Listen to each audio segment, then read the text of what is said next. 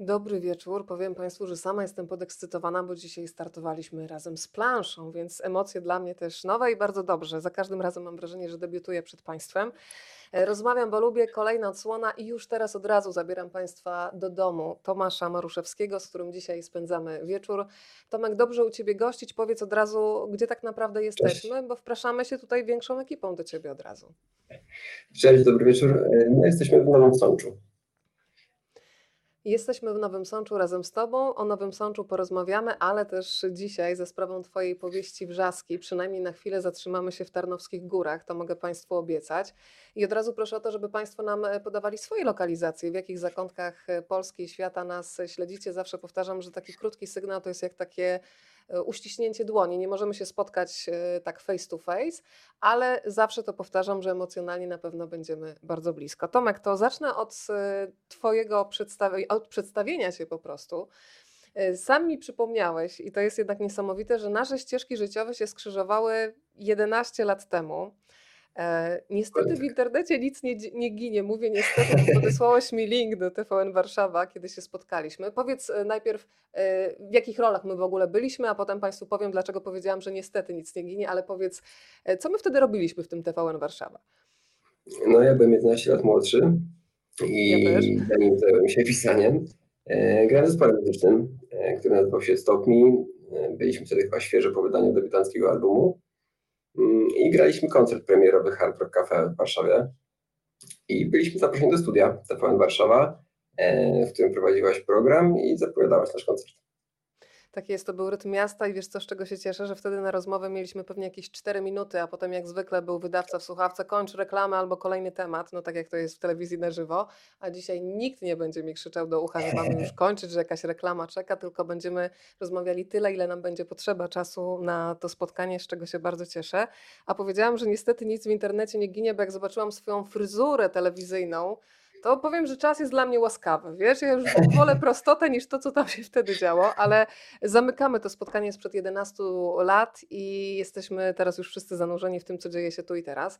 Tomek, jesteś z wykształcenia radcą prawnym i jak już Państwu w zapowiedzi zdradziłam, e, swój dzień organizujesz tak, że e, rano, w ciągu dnia przygotowujesz pisma procesowe i umowy. Popołudnia i wieczory są dla rodziny, no a noce są na pisanie, więc e, powiedz, jak ty się w ogóle czujesz trochę z takim zaburzonym rytmem dnia, bo zaczniemy, pewnie skończymy gdzieś tak no trochę w nocy koło 21, 22, więc duże, duże zamieszanie nie, tu wprowadzam? To jeszcze wcześniej. No, rytm dnia jest dość trudny. To też nie wygląda tak, że ja codziennie w ten sposób funkcjonuję. E, to się dzieje tylko przy procesie pisania książki.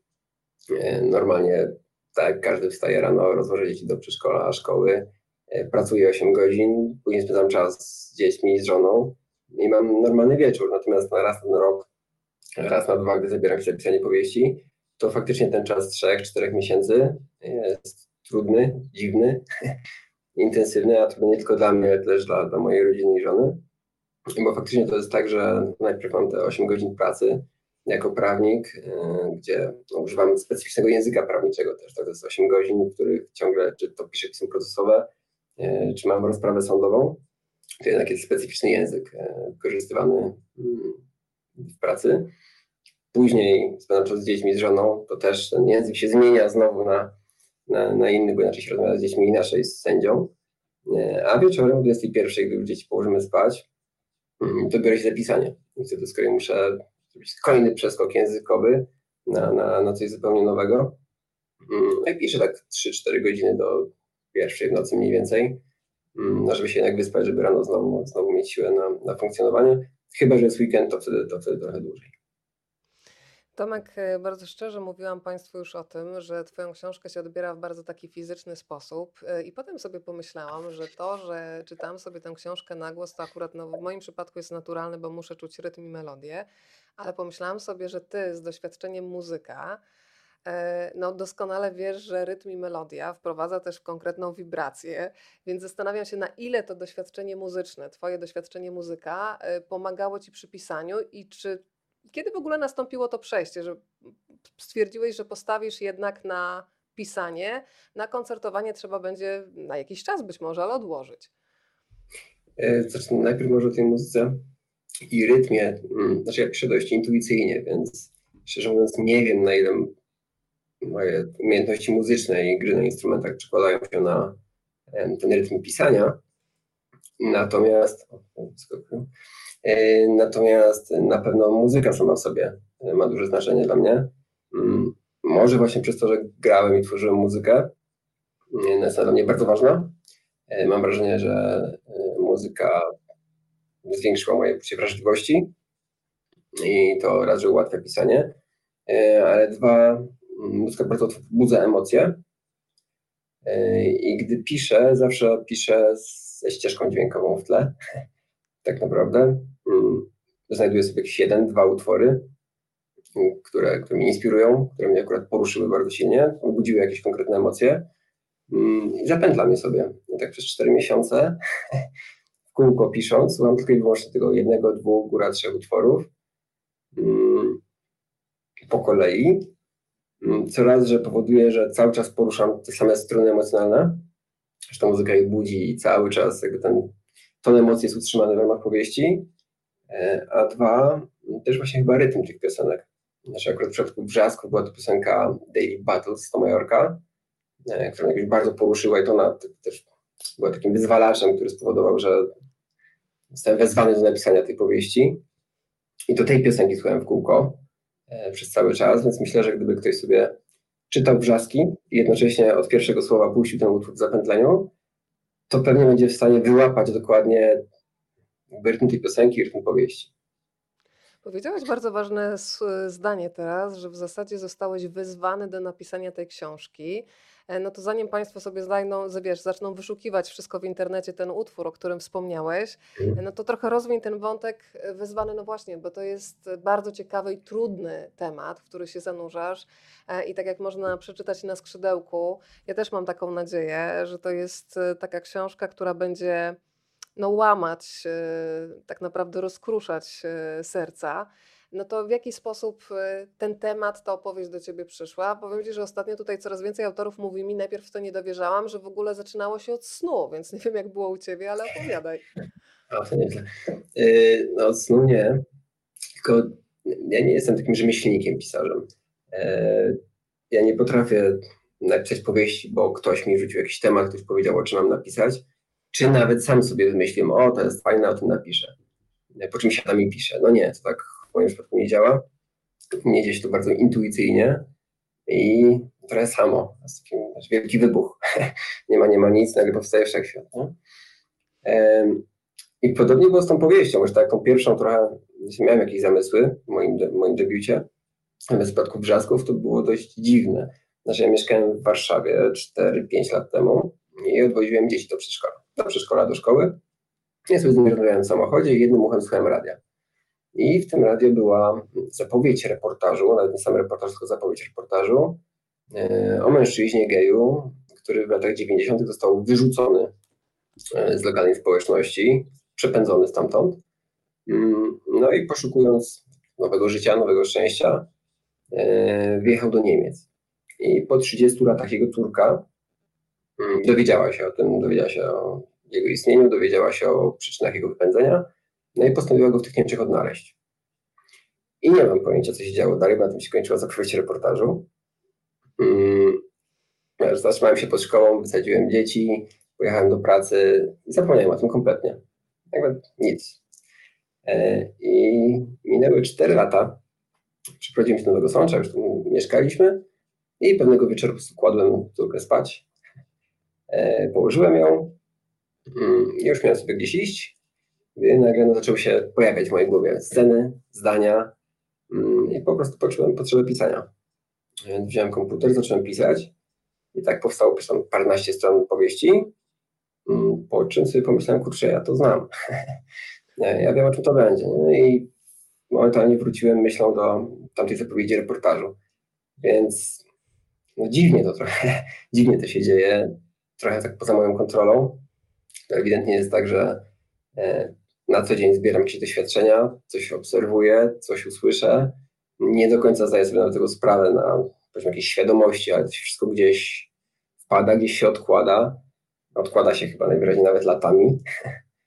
E, tam się układa, gotuje, nie wiem, co się z tym dzieje, ani jak. E, I to jest też nawiązane do tej muzyki, bo potem następuje coś takiego, że słucham muzyki, pojawia się jakiś utwór, e, który ewidentnie jest jakimś katalizatorem, wyzwalaczem. I gdy całe pudełko różnych emocji, myśli, e, jakichś zdarzeń jest już przepełnione, pojawi się ten właściwy utwór, no to wszystko nagle wybucha. I wtedy zaczyna się proces pisania. No i się pisze. trochę, trochę samo się pisze tak naprawdę, bo ta powieść powstaje w trakcie pisania. To nie jest tak, że mam jakiś plan ułożony czy cokolwiek innego, po prostu się dzieje i ewentualnie dopiero już w trakcie, gdzieś w połowie tej powieści zaczynam sobie e, układać jakieś wątki, co i jak, tak dalej. Natomiast no, sam ten początek to po prostu bardzo mi się podoba ta nasza głowa i w ogóle serce jako taki wielki kontener, w którym są różne fragmenty i nagle one zaczynają się ze sobą e, łączyć. Mhm.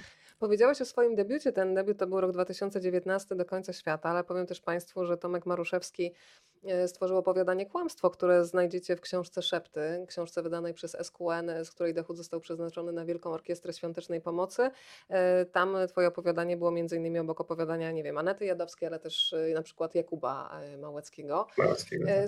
Tak jest. To słuchaj, to powiedzmy jeszcze kilka słów na temat dedykacji, bo będziemy Ci opowiadać o powieści fikcyjnej, ale opowieści, która jest bardzo mocno, tak jak powiedziałeś, no, zakorzeniona w codzienności. Książkę dedykujesz między innymi pewnej dziewczynie z Supraśla. Mówię między innymi, bo książkę dedykujesz rodzicom, siostrze oraz dziewczynie z Supraśla. E, więc e, gdybyśmy mogli trochę przynajmniej Y, tę zagadkowość teraz schować i powiedzieć więcej na ten temat? Tak, to jest częste pytanie. Każdy, każdy doszukuje się takiej ciekawej historii, e, jakiejś osobistej. E, trochę muszę rozczarować, bo e, dziewczyna z Prasia jest po prostu symbolem. Dziewczyna z Prasia jest symbolem ofiary przemocy, nienawiści na tle właśnie nienawiści do odmiennej orientacji seksualnej. Mm, także ta postać konkretna nie istnieje to jest symbol i tak samo e, dziewczyna z Supraśla była pewnym symbolem dla głównego bohatera powieści, Adama Chruścickiego. E, ten symbol mu się przebijał w głowie cały czas i był takim chodzącym za nim, kaczącym strachem. E, natomiast to też nie jest tak, że zupełnie oderwane od rzeczywistości. O tyle, że mm, na tą dziewczynę z no, spotkała wielka krzywda. Myślę, to możemy was zdradzić tak naprawdę, bo tam doszło do gwałtu na, na, na lesbijce. Mm, bo jak się tłumaczyli oprawcy, chcieli ją uzdrowić, tak? Przykabacić z powrotem na fascynację mężczyznami, a nie kobietami. Mm, no i to mi się znikąd nie wzięło, to znaczy to jest, e, to się dzieje, to się zdarza i na przykład w e, RPA jest dość powszechnym, e, tam w ogóle generalnie tam, bardzo często dochodzi do gwałtów, tam tutaj co pół minuty mam jest jakiś gwałt. I bardzo często tłem dla gwałtu jest w tłumaczeniu znowu oprawców próba uzdrowienia osoby o odmiennej orientacji seksualnej, oczywiście lesbijek.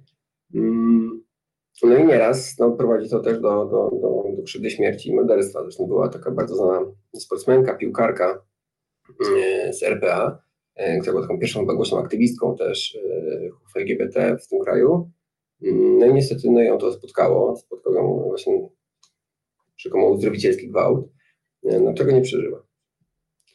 I to jest właśnie dziewczyna Supraśla, czyli wszystkie osoby, które doświadczają przemocy na tle tej nienawiści. Tak, y, to jest jeden z tematów y, wrzasków. Y, ci agresywni ludzie, którzy no właśnie chcą naprawiać pięścią. E, kogoś, kto nie pasuje do ich e, wizji rzeczywistości. Tomek, nie wiem, czy sobie zdajesz sprawę, ale jesteś już w wielu domach. Jesteś w Tczewie, jesteś e, na Śląsku, w Suwałkach, Gorzów Wielkopolski, Brodnice na pokładzie, Londyn. Bardzo się cieszę, że Państwo są. Pozdrowienia kolejne tutaj przychodzą do nas. Agnieszka, stała bywalczyni jest, bardzo się cieszę. Warszawa, Powiśle, Chrubieszów, Poniatowice. Giżycko, proszę się tutaj meldować. Witamy też na pokładzie Poznań, Gdynie, Tarnowskie Góry. Bardzo się cieszę, o. bo tam dzisiaj na pewno zajrzymy. To jest Twoje miejsce też urodzenia. Tarnów, o proszę, Islandia.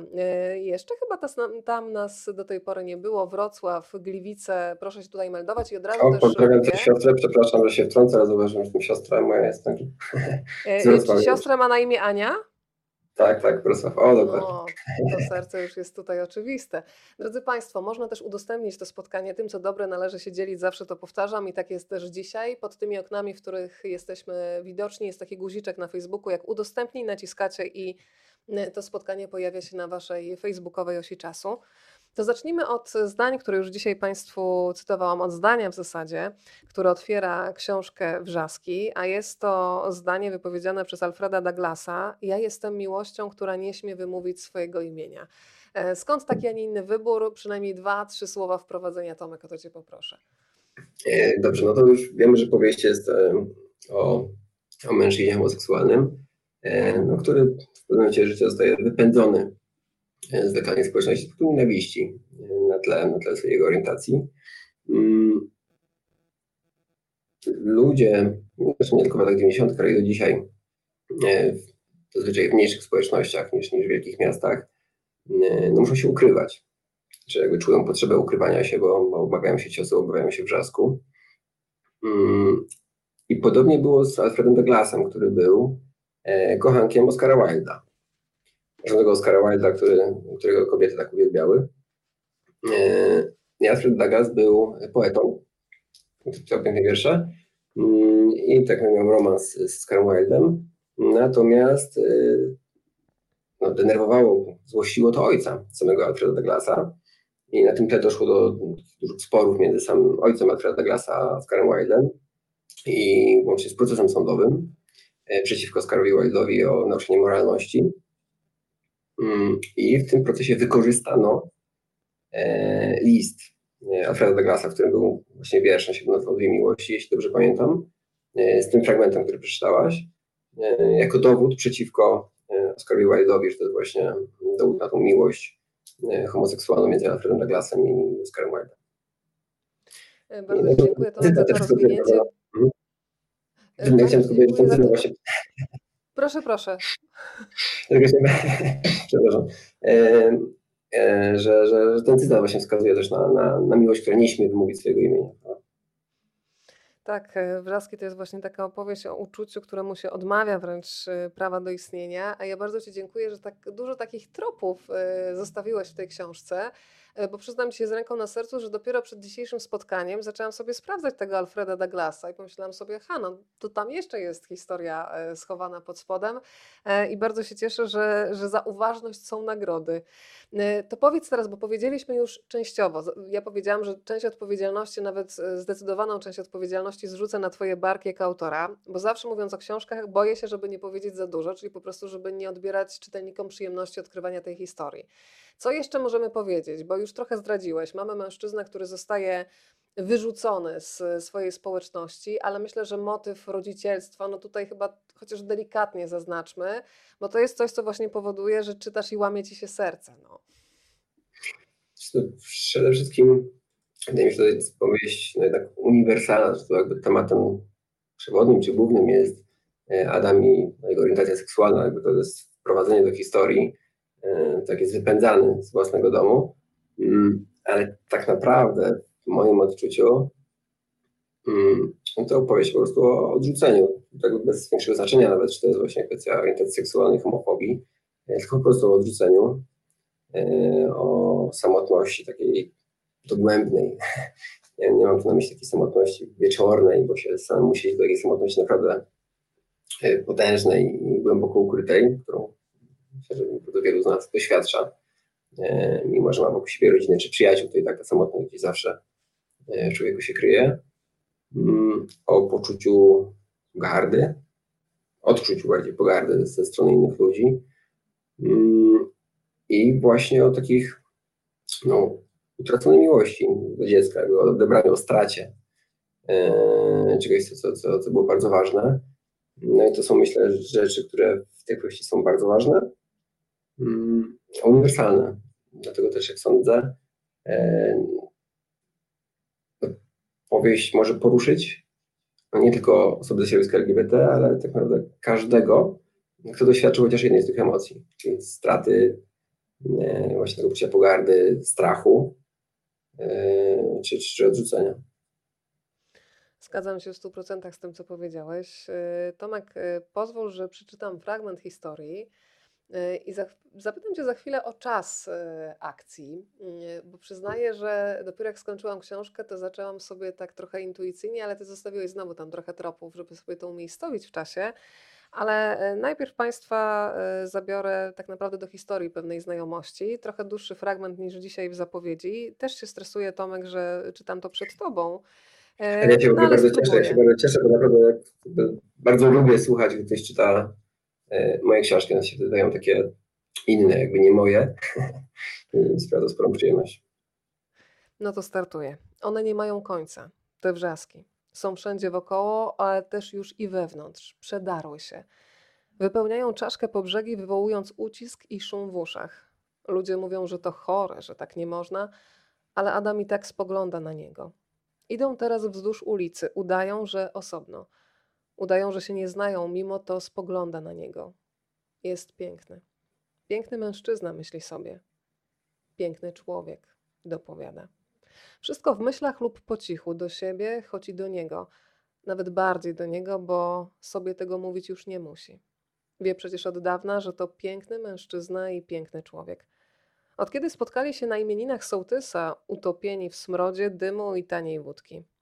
Pamięta jej ciepły smak, żałosny. Żałosny, tak jak wszyscy byli tam żałośni. Upojeni, wstrętni. Głupie żarty, krzyki, rubaszny śmiech, syf wokół i na stole. Na samą myśl chce się żygać. Pamięta Adam też gębę sołtysa. Chciałoby się powiedzieć twarz, bo człowiek ma twarz, nie gębę. Trudno jednak inaczej nazwać tę czerwoną i spoconą kulę, w którą sołtys wlewał alkohol. Słowa, które wymawiał, brzmiały jak bełkot bełkot z gęby. Pamięta poza gębą sołtysa duszącego krawat wraz z kołnierzem bordowej koszuli wrzynający mu się w szyję jak pętla. Znów jest październik. Rok już minął od imienin sołtysa, aż dziesięć miesięcy od jego śmierci. Wódka jak pętla ściskająca wnętrzności, odbierająca tlen. Adam pamięta wystawienie trumny przed pogrzebem. Czuwanie. Wszyscy tam poszli. Cała wieś to i on. Mały wydawał się sołtys w tym dębowym pudle, który jakiś gówniarz nazwał sarkofagiem, jakby w nim książę spoczywał. A tam sołtys przecież, niewielki pan. Zeszczuplał, zbladł po tej swojej śmierci i nie miał już gęby. Miał twarz. I ludzką, i nieludzką, bo ludzkie były jego powieki, usta, nosa, nieludzkie oczy kryjące się pod powiekami. Nieludzkie, bo puste. Tunel donikąd. Znało się sołtysa od lat, więc wszyscy wiedzieli, że także wcześniej tunel ten raczej prowadził w pustkę. Ale gdy się dobrze poszukało, to czasem można było natrafić na jakąś myśl. Ludzką myśl.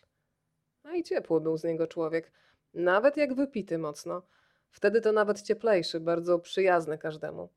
Krzywdy nikomu by, nie zrobi... Krzywdy nikomu by zrobić nie dał. W trumnie jednak ten tunel był już wyłącznie pusty, a sołtys zimny. Nawet ten wąs jakiś szorstki się wtedy wydawał. Pokój jego duszy, myśli Adam. I to jest krótki fragment, Tomek, który wprowadza z jednej strony w y, tę społeczność wiejską, bo od razu się to czuje, no jest sołtys, ale też to jest wystawienie y, zwłok, co też jest, powiedziałabym, że w mieście wyrzuciliśmy w ogóle śmierć gdzieś całkiem na bok. Ale jeżeli chodzi o czas tej akcji, to dopiero potem sobie pomyślałam, że tam się pojawia Walkman, więc w jakim czasie my jesteśmy, jak ty to sobie w głowie tworzyłeś i dlaczego wybrałeś taki, a nie inny mm, etap? E, to są lata 90., 93, 94 rok. E, tam są też takie podpowiedzi w powieści, jak wymiany samochodów w policji. E, wymiana coś tam zamówienie na Ople były, było, było szykowane. Mm, a dlaczego te lata? Co, nie wiem, tak jakby powiedzmy trochę intuicyjnie. Hmm, chyba po prostu ten czas e, był związany z historią, którą słyszałem, też z tą odpowiedzią reportażu, że to były lata 90. Usłyszałem, utkwiło mi to w głowie. No i zacząłem pisać już, e, to od razu miałem w głowie, że to muszą być po prostu lata 90. i koniec. Hmm, natomiast jakoś nie szczególnie hmm, przejmowałem się tym, że to są lata minione, których, których już nie ma, bo nie, no bo one trwają. Świat się zmienił, a ludzie jeszcze nie. Tak, tak i, to, i tu powiem Ci Tomek, że właśnie dokładnie to, to jeszcze mocniej działa, bo gdybyś to umiejscowił we współczesności, to już by bolało. A kiedy sobie człowiek uzmysłowi, że czyta historię osadzoną w latach 90., jest rok 2022 i mam świadomość, że ta historia mogłaby się wydarzyć znowu i że się wydarza, nawet nie żeby się mogła, bo się wydarza w wielu Mhm. społecznościach, no to jest to y, bardzo uderzające.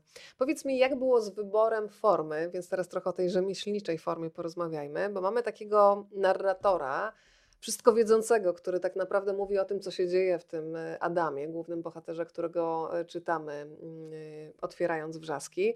Więc zastanawiam się, jak u Ciebie wygląda to mocowanie się z formą i wybór tego, że na przykład mamy narratora, a nie opowiada samą historię na przykład Adam. Mm, Będę nudny, ale i konsekwentny. E, Intuicyjnie. Powieść powstaje. Intuicyjnie. Dokładnie tak. Przepraszam, przepraszam, że nie mam niczego nowego, oryginalnego, ale, ale naprawdę się dzieje intuicyjnie, trochę poza mną. E, Jedno, co tu mogę powiedzieć, to to, że po tych parunastu czy parudziesięciu pierwszych stronach e, zawahałem się, znaczy zatrzymałem się i ta moja pierwsza euforia taka natchnienia pisarskiego, że tak to ujmę, e, minęła, to żeby się zastanawiać właśnie nad taką rzemiosłem tej powieści, co dalej, czy coś zmieniać. Mm, I przez chwilę miałem takie zawahania, czy, czy, czy nie zmienić tej formy, na przykład dłuższe zdania, e, trochę innej konstrukcji. E, Natomiast uznałem, że skoro to się zadziało, o, pozdrawiam ekipę z mojego sącza, skoro to się zadziało, no to niech się dzieje tak dalej. Poza tym ta powieść miała dla mnie, mm, przynajmniej po tych paręnastu stronach, gdy tak na nią spojrzałem z zewnątrz, e, charakter takiej przypowieści biblijnej. E, To też się wzięło, nie wiem do końca skąd, intuicyjnie. E, Może przez skojarzenie właśnie z małym miasteczkiem, wsią, gdzie ludzi bogobojnych jest dużo więcej. Mm, a przypowieść no, ma taką naturę jak, jak ma, czyli no, krótszych, krótszych zdań, takiej określonej formy. Trochę tak jak w mojej powieści.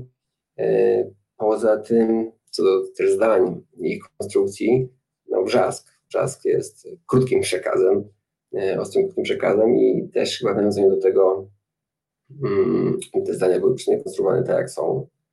E, Przy czym e, bardzo mi się spodobało to, na co zwróciłaś uwagę, czyli mm, ta krótka forma, mm, wypuklająca strach, krótki oddech,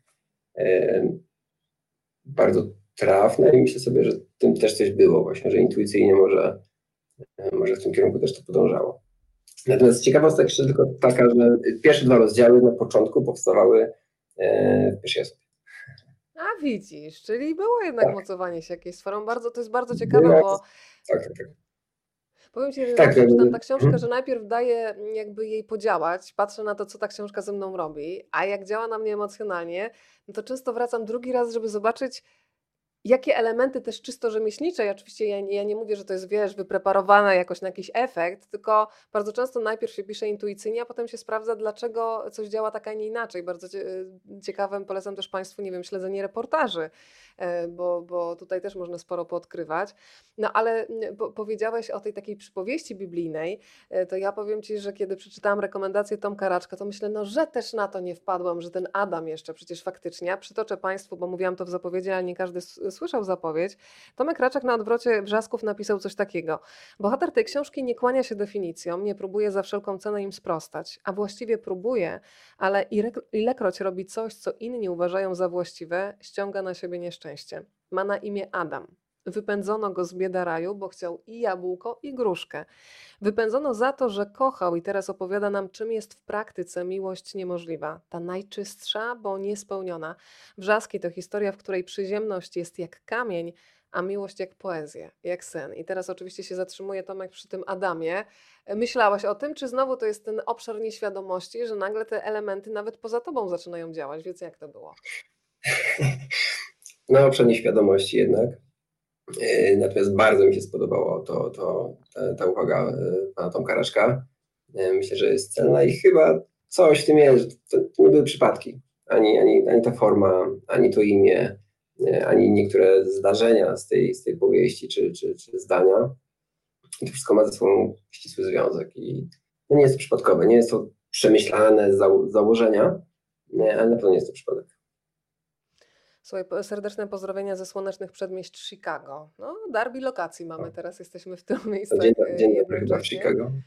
A powiedz jeszcze, bo tutaj pani Karolina pozdrawiałeś team siatkówkowy, no to co się kryje za hasłem team siatkówkowy? Wprowadź nas w taką działalność pozapisarską. Gdy nie piszę, to jeszcze lubię prawie sporty i to mamy ekipę, ekipę siatkarską i dwa razy w tygodniu sobie wieczorami gramy w siatkówkę. I na jakiejś pozycji konkretnej grasz? A nie w siatkówce to razem z przejściami, także nie, ale lubię, lubię atakować. Y, Pozdrawia Cię też Kraków i czeka na odwiedziny na targach książki, więc od razu y, przekazuję. To y, chciałam Cię jeszcze zapytać o taką rzecz, która wydaje się banalna, ale myślę, że wszystkim autorom zawsze sprawia sporo problemów, czyli wymyślanie imion i nazwisk bohaterów. Adam już tutaj padł, ale bardzo istotny jest Jerzy Mogiła. E, Więc e, trochę się tutaj e, wytłumacz z tego, jak w ogóle wygląda ten proces. Znam takich, którzy, nie wiem, sprawdzają ze znajomymi, siadają, rzucają w przestrzeń, robią taką burzę mózgów, więc jak ten Jerzy Mogiła w powieści Wrzaski się pojawił? Myśląc o tej drugiej postaci, miałem już w głowie jedną z późniejszych scen, mm, znaczy zdanie w zasadzie z jednej z późniejszych scen, gdy policjant zwraca się do Adama i mówi o naszym Jureczku.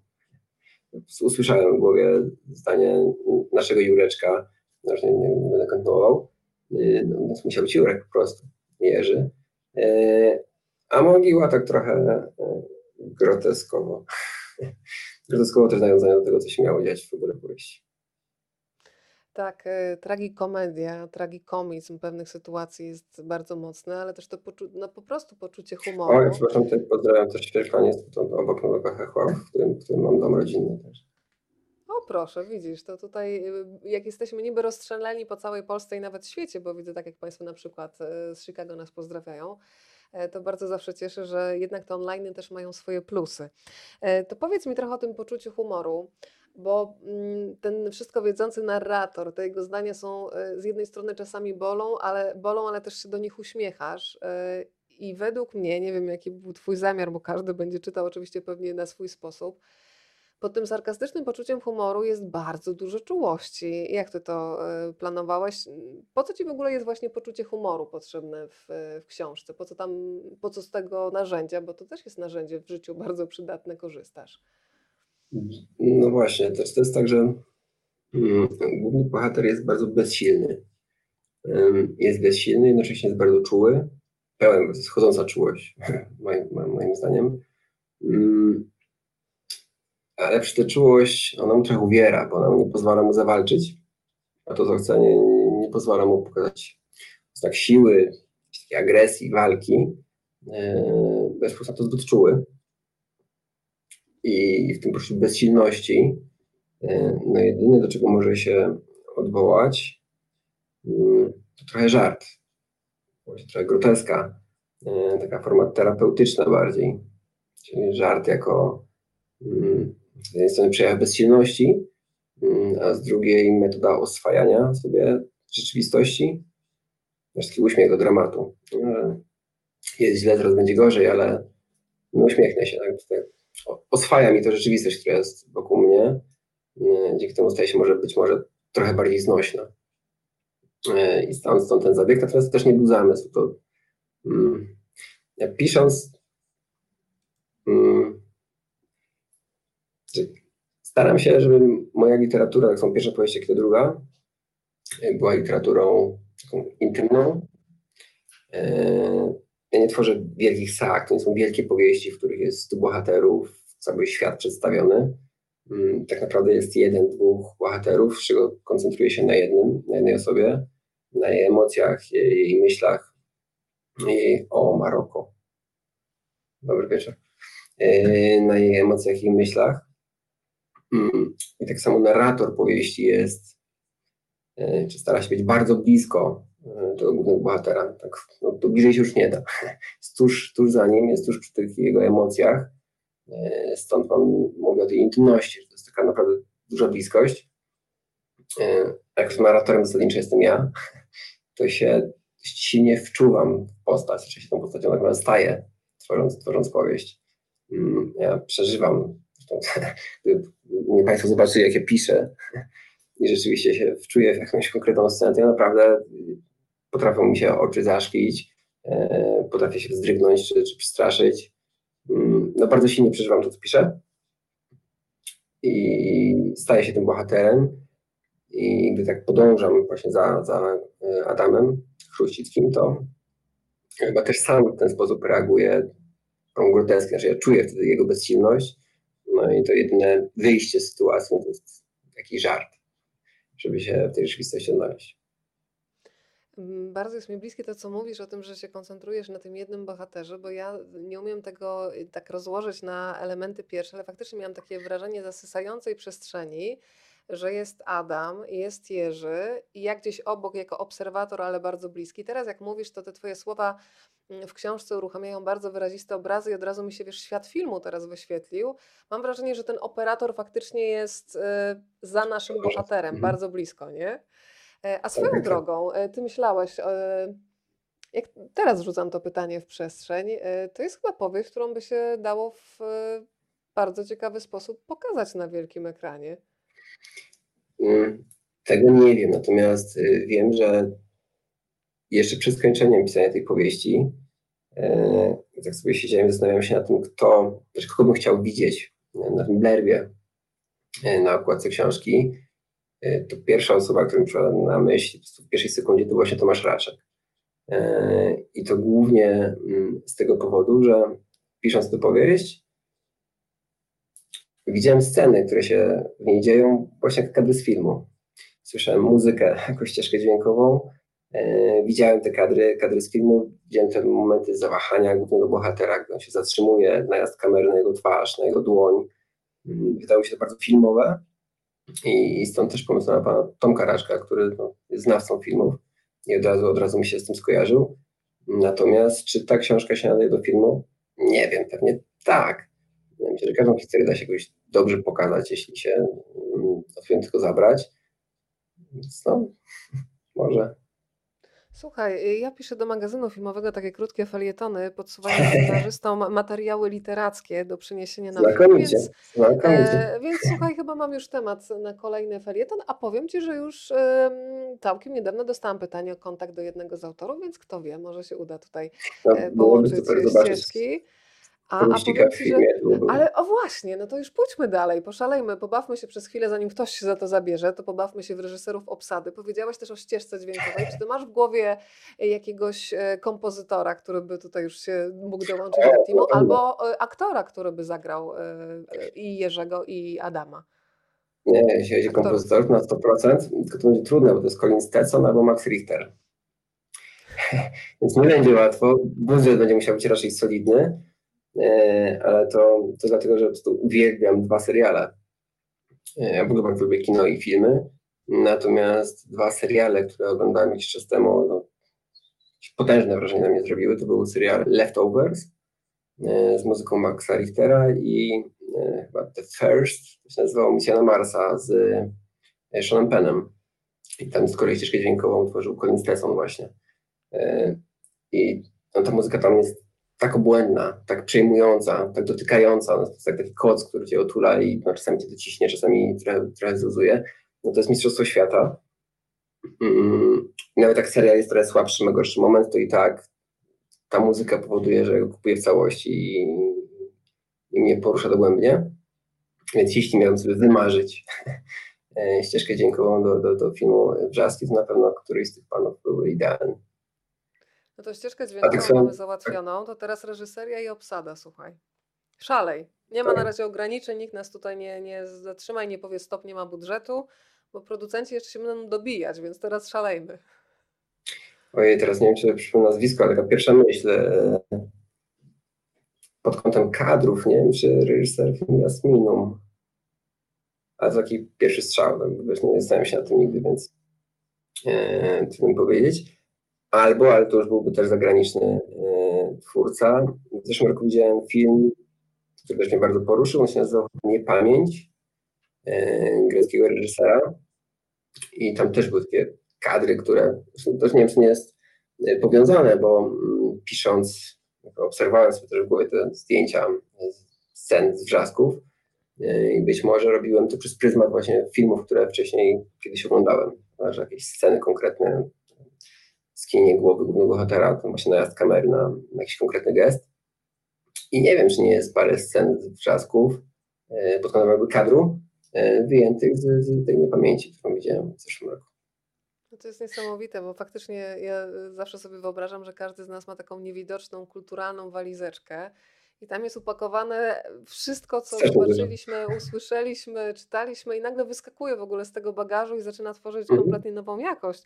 Czyli e, Jan Jakub Kolski i grecki reżyser o, e, Niepamięci, tak? Okej. Okay. Tak, tak. No to teraz e, szalejmy, jeżeli chodzi o obsadę. Ojej. Mm. Nie wiem, nie zastanawiam się nad tym w ogóle. Mm. Myślę, że Arek Jakubik mi się tu kojarzy, na pewno jego głos. Mhm. Na pewno jego głos by, by pasował do wrzasków. Mm, no trochę wygląd jest odmienny od tego Adama przedstawionego w książce, ale też jakoś bardzo tego wyglądu Adama nie opisuje, więc że to by się dało jakoś tam e, jakoś tam e, połączyć. Więc chyba no, miałbym sobie wybrać i tak strzelić, to myślę, że Arek A kto by zagrał w takim razie Jureczka? Ojej, no Jureszka by musiał zagrać perepeczko z dawnych lat. Tam jest taka scena w powieści, że tak. Jureczek przypominał właśnie perepeczkę. Nie wiem. Powiem Ci, że e, tak samo teraz na szybko myślę i dużo łatwiej e, zgadzam się z tym Twoim Arkiem Jakubikiem. E, z różnych względów faktycznie bardzo mocno by to zagrało, tym bardziej, że uwielbiam e, wrażliwość Arka Jakubika, a jeżeli chodzi o Jureczka, to, to nie jest prosty wybór, więc dobra, zostawmy to jeszcze sobie na ten temat po, pomyślisz spokojnie i życzę Ci z całego serca, żeby to się zmaterializowało. Powiedz mi... A to ciekawe bardzo zestawienie tych dwóch aktorów. No właśnie, właśnie. Teraz przyszło to tropy już zostawiliśmy, teraz wystarczy skorzystać. E, Tomek, e, pytałam Cię jeszcze na próbie technicznej, mm, czy możemy też trochę porozmawiać o tym, jaka była reakcja e, na temat tego, że osoba heteroseksualna pisze o świecie osób homoseksualnych, chociaż zaraz oczywiście dojdziemy do tego, że orientacja tak naprawdę nie ma najmniejszego znaczenia. Ale zauważyłam, że w środowisku bardzo często są takie dwa obozy. Jedna grupa, która mówi, świetnie, że ktoś daje jasny sygnał, e, że jest e, razem z nami, ale też pojawiają się czasem takie głosy, dlaczego ktoś się wypowiada na temat tego, co jest nasze, jeżeli nie do końca zna to doświadczenie na przykład lęku, tego, że nie wiem, wyczytujesz, czy jesteś bezpieczny na ulicy, z, patrzysz po prostu na cudze spojrzenia, gesty, mimikę, więc e, zastanawiam się, jakie do Ciebie dotarły informacje. To też szeroki temat i kilka wątków tutaj jest. Chciałem jednak wrócić do tego mm, wątku, mm, że to nie jest powieść wyłącznie o strachu Oczywiście. przed biciem. Więc jest tam bardzo wiele emocji zupełnie uniwersalnych mm, i dla każdego, dlatego też łatwiej mi było napisać tę powieść od tej strony.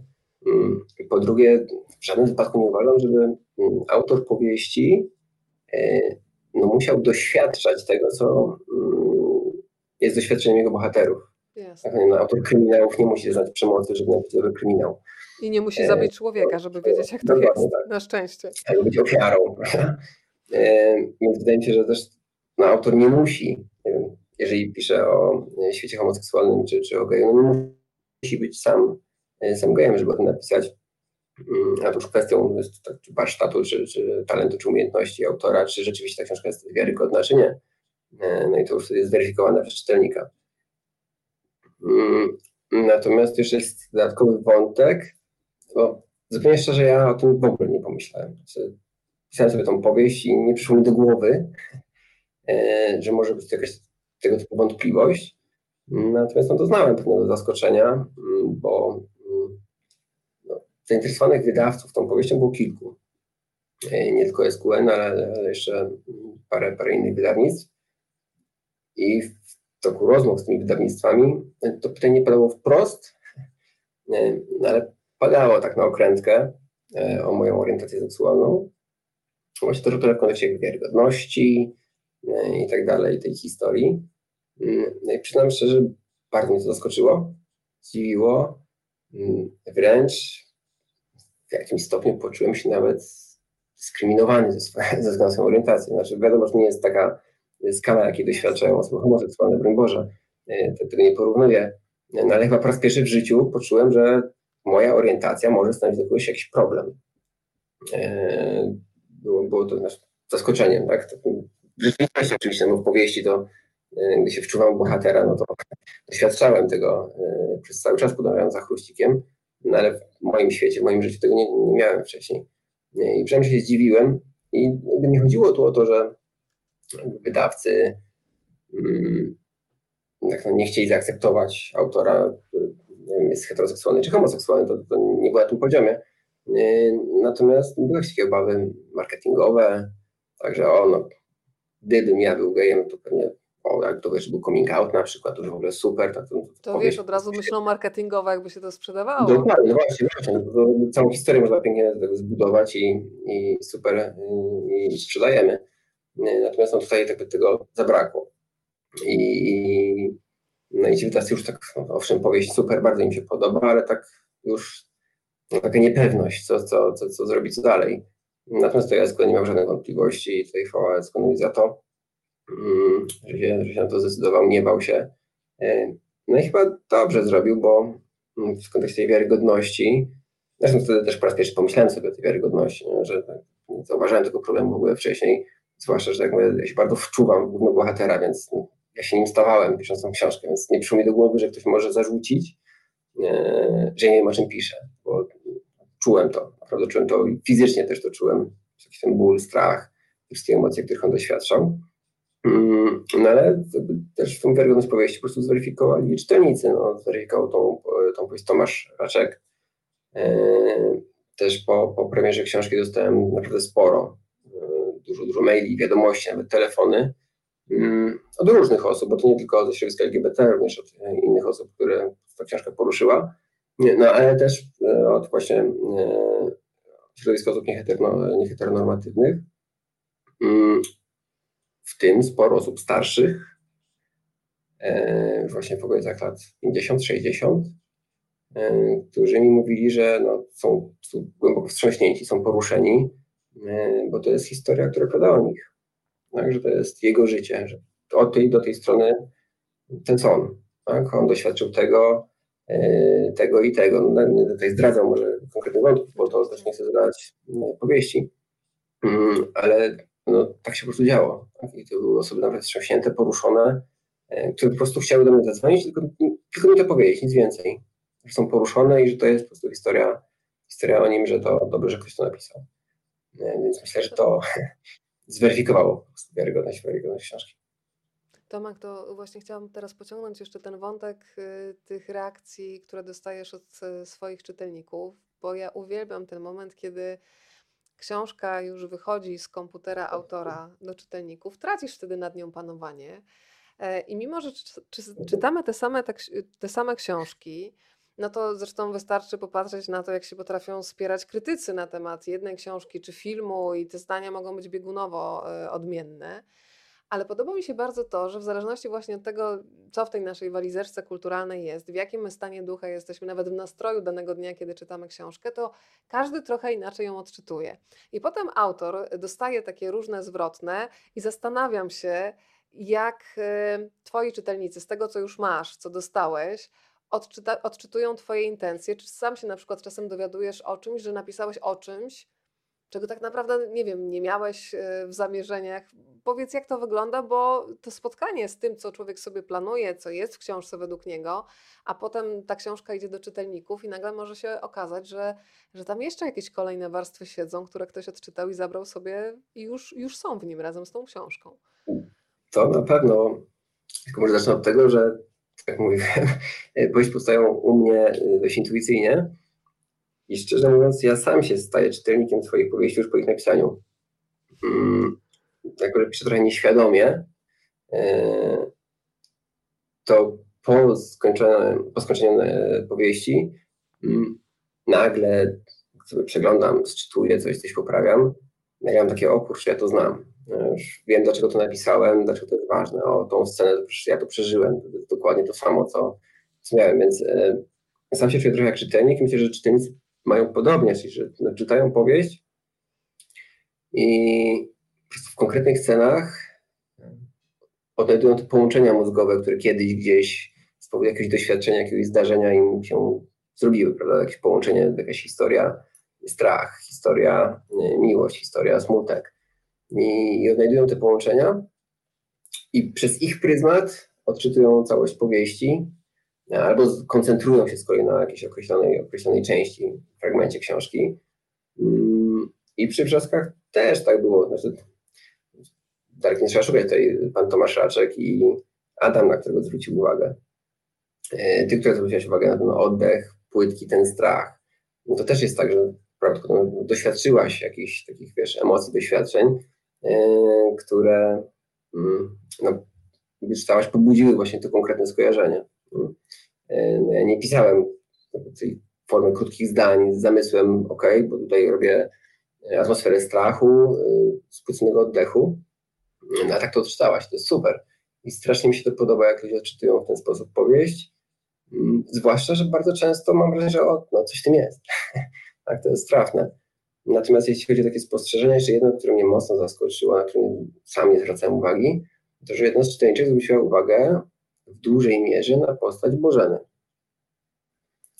Nie na głównego bohatera, yy, więc mam wrażenie, że nie podążała za nim, a właśnie zwróciła uwagę na Bożenę, jej stan emocjonalny, jej sytuację życiową, jej trud też.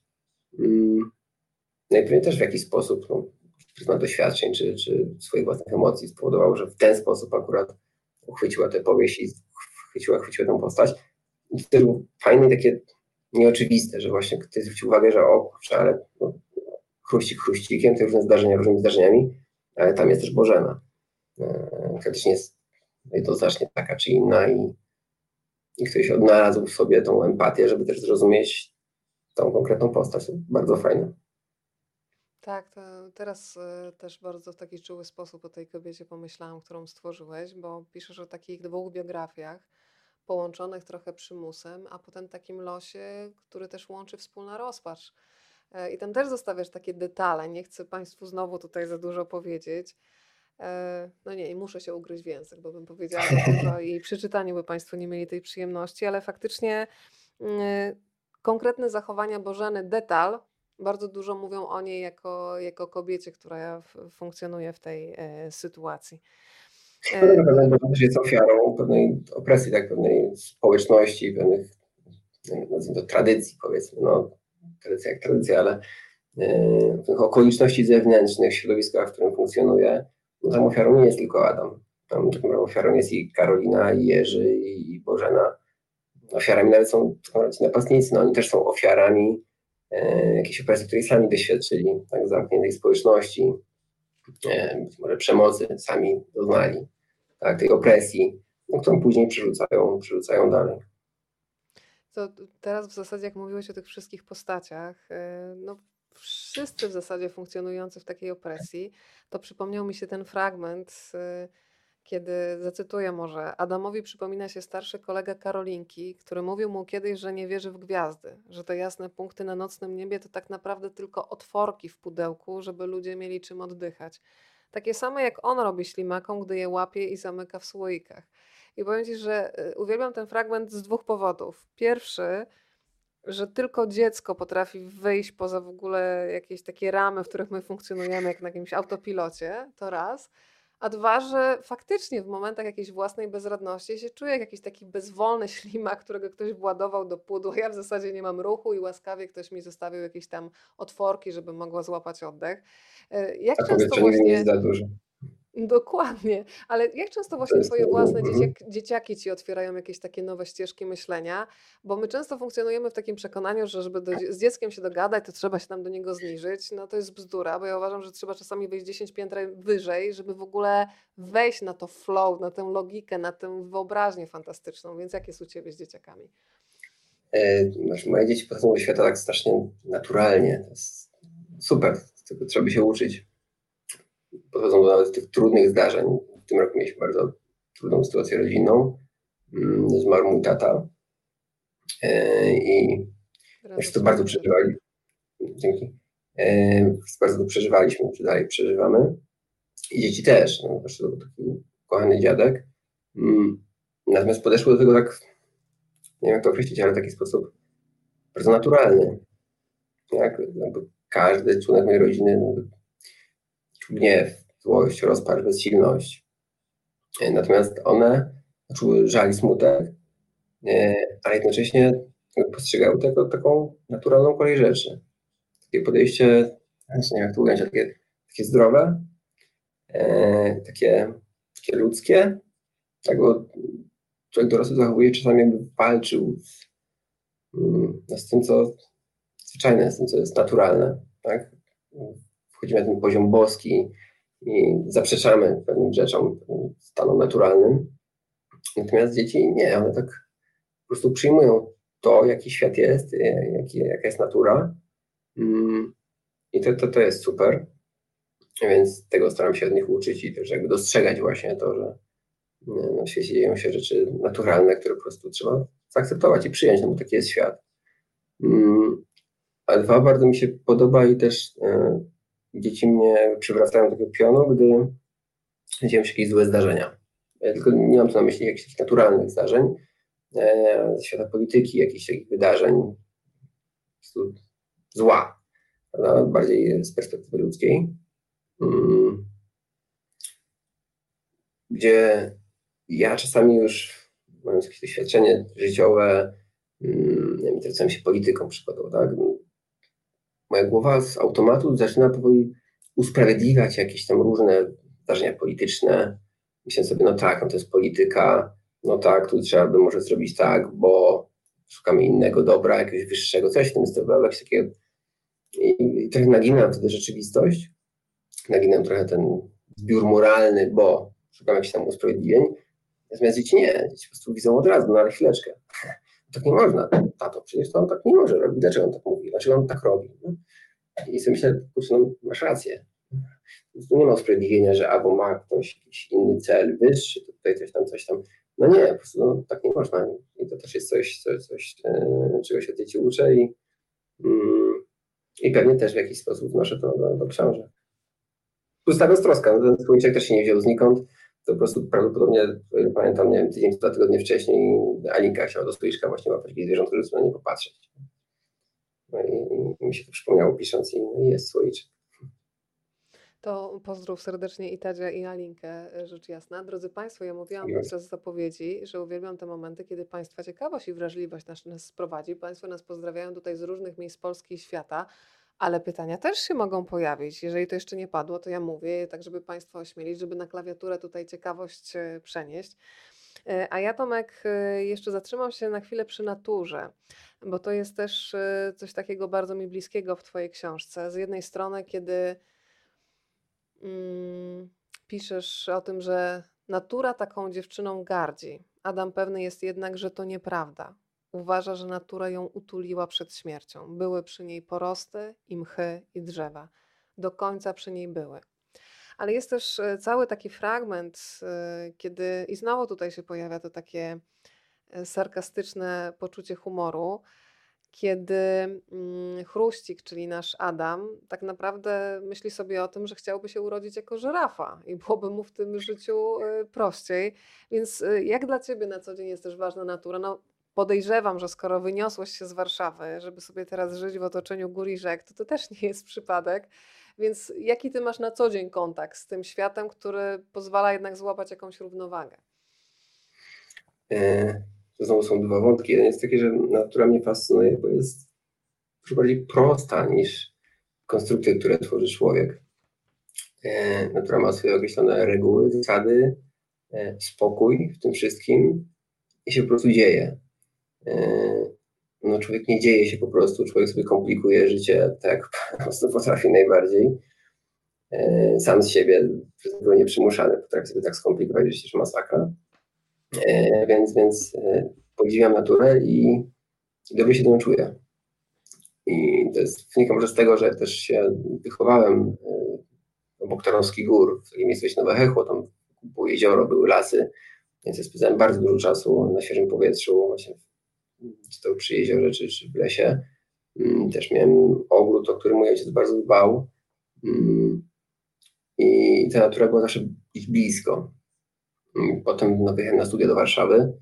Tam się zderzyłem z zupełnie nowym światem, e, gdzie, gdzie, gdzie, trudno trochę o naturę. No, wszędzie są wieżowce, budynki, asfalt, beton, milion, milion po prostu osób wokoło. No i to było bardzo fajne w tamtym czasie, bo to było coś, coś nowego, świeżego. Ja też byłem młody, więc łaknąłem jakiegoś takiego no, nowego świata, nowych doznań. Mm, ale z czasem ciągnęło mnie z powrotem. Tak, e, jak na początku studiów e, te weekendy się spędzało na, na imprezach, na zwiedzaniu muzeów czy teatrów, tak z czasem pobytu w Warszawie coraz częściej te weekendy staram się z żoną spędzać no, wyjeżdżając. Wyjeżdżając poza Warszawę, szukając jakichś miejsc, e, w których można by pospacerować, podziwiać po prostu naturę i środowisko. Ale było to trudne. Tak? Było trudne i e, też cały czas czuliśmy, ona się, ta potrzeba się zrodziła i ona potem się rozwijała przez całe lata. Mm, no ale jak już się zrodziła, to chyba była nieunikniona właśnie ta potrzeba, że w pewnym momencie uznaliśmy, że, że, tego potrzebujemy, że oczywiście to nie jedyny czynnik, to nie, nie tak, że kocham drzewa, kocham kwiaty, wyprowadzam się z Warszawy. Przytulam drzewa, chodzę tylko i się żegnam. Dokładnie, to, to nie tak, no, drzewa miałem też pod blokiem swoim, miałem swój balkon, tu miałem dużo roślin, więc to już wystarczyło tych czynników, oczywiście było dużo więcej. E, ale na pewno był to jeden z nich i teraz staram się spędzać czas, korzystając właśnie z tego, co, co mamy tu w Namsączu, czyli, e, czyli gór. No to skoro o, już się pojawiały... Przepraszam, Jakuba z Wilanowa, właśnie tam, tam sobie mieszkałem, Jakub to mój, mój, mój sąsiad z Wilanowa. Pozdrawiamy pana Jakuba również. Słuchaj, to teraz jak pojawiły się już Tarnowskie Góry, to pojedźmy tam razem z Adamem z powieści Wrzaski. Tym bardziej, że pojawia się, znowu bardzo lubię za to twoją książkę za język, za zabawę językiem. Za chwilę o tej zabawie językiem też trochę więcej chciałabym porozmawiać, ale też pojawiają się słowa, które mogą być niezrozumiałe dla mieszkańców e, innych części Polski, na przykład e, frela, czy szmaterlog, więc od razu poproszę o tłumaczenie i powiedz, y, czy od razu wiedziałeś, że do Tarnowskich Gór na chwilę Adama zabierzesz jako do takiego miejsca, gdzie on y, no, w zasadzie chce zniknąć, chce, nie chce być y, zauważony, bo zauważenie równa się w jego głowie z niebezpieczeństwem po prostu, ze strachem znowu. To, tu się muszę, można do tego szmaterloka e, trochę wytłumaczyć i usprawiedliwić. Jak Bary Śląskie to dobrze nie znam. E, w ogóle Trąskie Góry to takie miasto na Śląsku, w którym mm, takiej klasycznej gwary śląskiej za dużo się nie słyszy. E, więc to nie jest tak, że ktoś powiedział Trąskich Gór, tam obcy język e, i, i, i tyle. Mm, natomiast umyślnie mm, no, wrzuciłem te słowa, żeby trochę było wypuklić wyobcowanie, w którym zaraz siadam. Że jest to zupełnie nowe miejsce, nowy świat dla niego, właśnie może nie rozumieć nad języka, ale on się z tym dobrze czuje, bo on, będzie w nowym miejscu, tam go nikt nie zna, yy, może znaleźć nowe życie. I stąd, stąd umyślnie, umyślnie wtrąciłem te słowa. Jakby podkreślałem, yy, podkreślałem yy, tą, tą, tą, ten charakter Śląska, jakby w kontrze do dotychczasowego miejsca zamieszkania Adama. Natomiast szmaterlot to motyl. Proszę, ktoś tutaj słuchaj, już wyskoczył też z tym motylem, czyli Państwo o, doskonale właśnie. znają też gwarę. Bardzo się cieszę. Pozdrawiamy Panią Anetę razem z tym czworonogiem, który tam w tym niku się wyświetla. Bardzo lubię też takie drobinki z Państwa codzienności. E, o proszę, Pani Wanda jest pierwsza z pytaniem, bardzo się cieszę. Panie Tomku, w jakim wieku są Pana dzieci i jaka była ich reakcja na książkę? Mój, mój syn ma 5 lat, córka 8. E, no są za mali jeszcze, żeby poruszać takie wątki, no, które w tej płycie znajdują, no bo to są treści no, niedostosowane do wieku dzieci. E, natomiast zdziwieniem, zazwyczaj zdziwieniem, tak samo się zdziwiły, jak zobaczyły e, na YouTubie koncert zespołu Stopni i nie mogły, nie mogły że to jest tata i gra, e, tak samo z książką, że ale jak to? O, tata widzę okładkę, a to pani o czym mówi i że w ogóle o co chodzi. Gra chyba zdziwienie przede wszystkim. Tak samo dzisiejszym wywiadem. Ale wiesz co, powiem Ci, że y, mam koleżankę, która pisze książki dla dzieci i kiedy jej dziecko w naturalny sposób, kiedy zostało zapytane, czym zajmuje się mama, powie, powiedziała, że mama jest pisarką i pisze książki dla dzieci, to dzieciaki zareagowały tak, ta, chciałabyś. Także wiesz, ranga pisarza jest naprawdę duża, że aż było nie do uwierzenia, że jak to mama pisze te bajki, które potem czytamy, więc ta, chciałabyś. Tak, więc... to dużo łatwiej y, moim dzieciom wytłumaczyć, że piszę książki, niż że jestem prawnikiem. Jakby jak próbowałem im wytłumaczyć, na czym polega autorytet prawnego, no to bez szans. No ja ci też powiem, że podziwiam, y, bo mm, ja czytam dużo, ale zawsze jak się zderzam ze światem takim prawniczym, a przede wszystkim urzędowym, to ja potrafię czytać y, pisma, przyznaję się z ręką na sercu nawet 30 razy i ja nic z tego nie rozumiem. I zawsze się poddaję i zawsze muszę kogoś prosić o pomoc. E, Więc zastanawiam się, ilu na przykład radców prawnych zna wrzaski? Y, Na ile znają to twoje drugie życie, ludzie z tego świata, w którym na co dzień funkcjonujesz? Wiesz, mówiąc, nie wiem. Znaczy, było tak, że przy moim debiucie, przy Pójściu do końca świata, odezwał się do mnie dziennikarz z takiego magazynu branżowego Radca Prawny i przyszedł ze mną wywiad i tam była też recenzja książki. Em, Natomiast przy mówiąc, nie wiem. Mieszkam, mieszkam tu na Sączu, więc też nie te, takiego kontaktu e, ze światem prawniczym, jak miałem wcześniej, więc trudno mi powiedzieć. No, ale wydaje mi się, że generalnie wielu prawników ma drugie życie, jak się tak wyrażę. Więc nie, nie jest to aż jakieś zaskoczenie pewnie. To ja jeszcze teraz wrócę do tej zabawy z językiem. E, Też pojawiają się cudowne neologizmy. Nie mogę Państwu powiedzieć w jakich okolicznościach, ale mogę zdradzić chyba, że Adam w pewnym momencie no, ląduje gdzieś z balkonu w ogrodzie. Jak to się zdarzyło, to Państwo się muszą dowiedzieć czytając. Ale y, kiedy dzwoni dzwonek do drzwi albo słychać pukanie do drzwi, to mamy taki fragment myśli, że sąsiad od ogródka, co to mu go nieco przypłaszczył. I powiem Ci, że za to przypłaszczył siedzę i po prostu się uśmiecham, bo w tej całej jakby nędzy życia, która go spotyka i tej opresji, po prostu y, ten właśnie narrator, który patrzy na niego, no też już bezradnie mam wrażenie, że rozkłada ręce, ale to przypłaszczu jest świetne. Ale wspominałam dzisiaj Państwu też o tym zdaniu e, dotyczącym e, witania i żegnania się z Bogiem. Jak ci to, to ci wpada tak nagle do głowy, kiedy okazuje się, że e, pewne sytuacje, no właśnie sytu, sytuacyjniaki ujęte w słowach, no działają tak, że jestem przy historii, a jednocześnie się nawet, wiesz, potrafię zatrzymać przy jednym zdaniu i o kurczę, ale to jest dobre. Pisze Adam, wychodzi, wychodzi z domu. Ja to po prostu widzę. Ja jestem Adamem, ja idę po schodach, słyszę trzask schodów, e, widzę ścianę, e, widzę drzwi, widzę krzyż, który wisi nad drzwiami, widzę Adama, który intuicyjnie chce się przeżegnać. Mm, No i się dzieje, no. I powstaje to No zdanie. nie, wiesz, po prostu jest. Idzie i się żegna z Bogiem się witając. Gdyby Państwo y, nie wiedzieli jeszcze o jakim zdaniu mówimy, bo wiem, że część z Państwa jest zdecydowanie przed y, lekturą. Porozmawiajmy jeszcze trochę o ciele, bo wrzaski według mnie, tak jak Ci mówiłam od początku, odbiera się w bardzo taki sensualny sposób. E, Ja przyznaję, że też mnie mocno poruszyło takie zdanie, gdy Adam poczuł usta Jerzego na swoich, siebie też poczuł. Odnalazł się nagle. Taka zwykła ta miłość, jak wiele innych, choć schowana w ciemności, za krzakami, za ścianą kamienicy. I tak jak mówisz, to jest książka, którą można czytać bardzo uniwersalnie, mm, bo wiele rzeczy w sobie rozpoznajemy, ale jednocześnie nie dajemy im dojść do głosu. E, I to są takie odkrycia z bardzo różnych dziedzin, bo ktoś nas zakrzyczy, bo ktoś powie, że to nie jest nasze. E, Jak, y, jak, jak ty też dbasz o to, żeby, nie wiem, odbierać różne takie, bo, bo czuć Tomek, kiedy się czyta twoją książkę, że ona jest bardzo taka e, sensualna i mam wrażenie, że siedzi dzisiaj razem z nami też e, człowiek, który ma dobry kontakt ze swoim ciałem, bo nawet to, że ty się przeprowadzasz do e, Nowego Sącza, kiedy zaczyna cię męczyć wielkie miasto, no to powiedziałam też w zapowiedzi, że wiesz, no wiele osób jest zmęczonych, mówi, że najchętniej to by rzuciło to wszystko i oczywiście pojechało w te przysłowiowe Bieszczady, ale niewielu robi ten krok, więc jak ty dbasz o to, żeby, żeby też, nie wiem, słuchać sygnałów zmęczenia, bo masz i zawód bardzo wymagający i do tego jeszcze pisanie, więc jak ty się z tą sensualnością i tymi sygnałami od ciała, bo jak powiedziałeś, już intuicyjnie piszesz, a, a jak jest z tym, z tym dbaniem o to opakowanie, które pozwala potem tworzyć takie światy? E, Ja zostałem tego trochę zmuszony, bo mm, raczej nigdy ani nie słuchałem swojego ciała, ani do końca swoich emocji. To było wszystko zawsze we mnie mocno stłumione, ukryte przez całe lata e, i od zawsze chyba.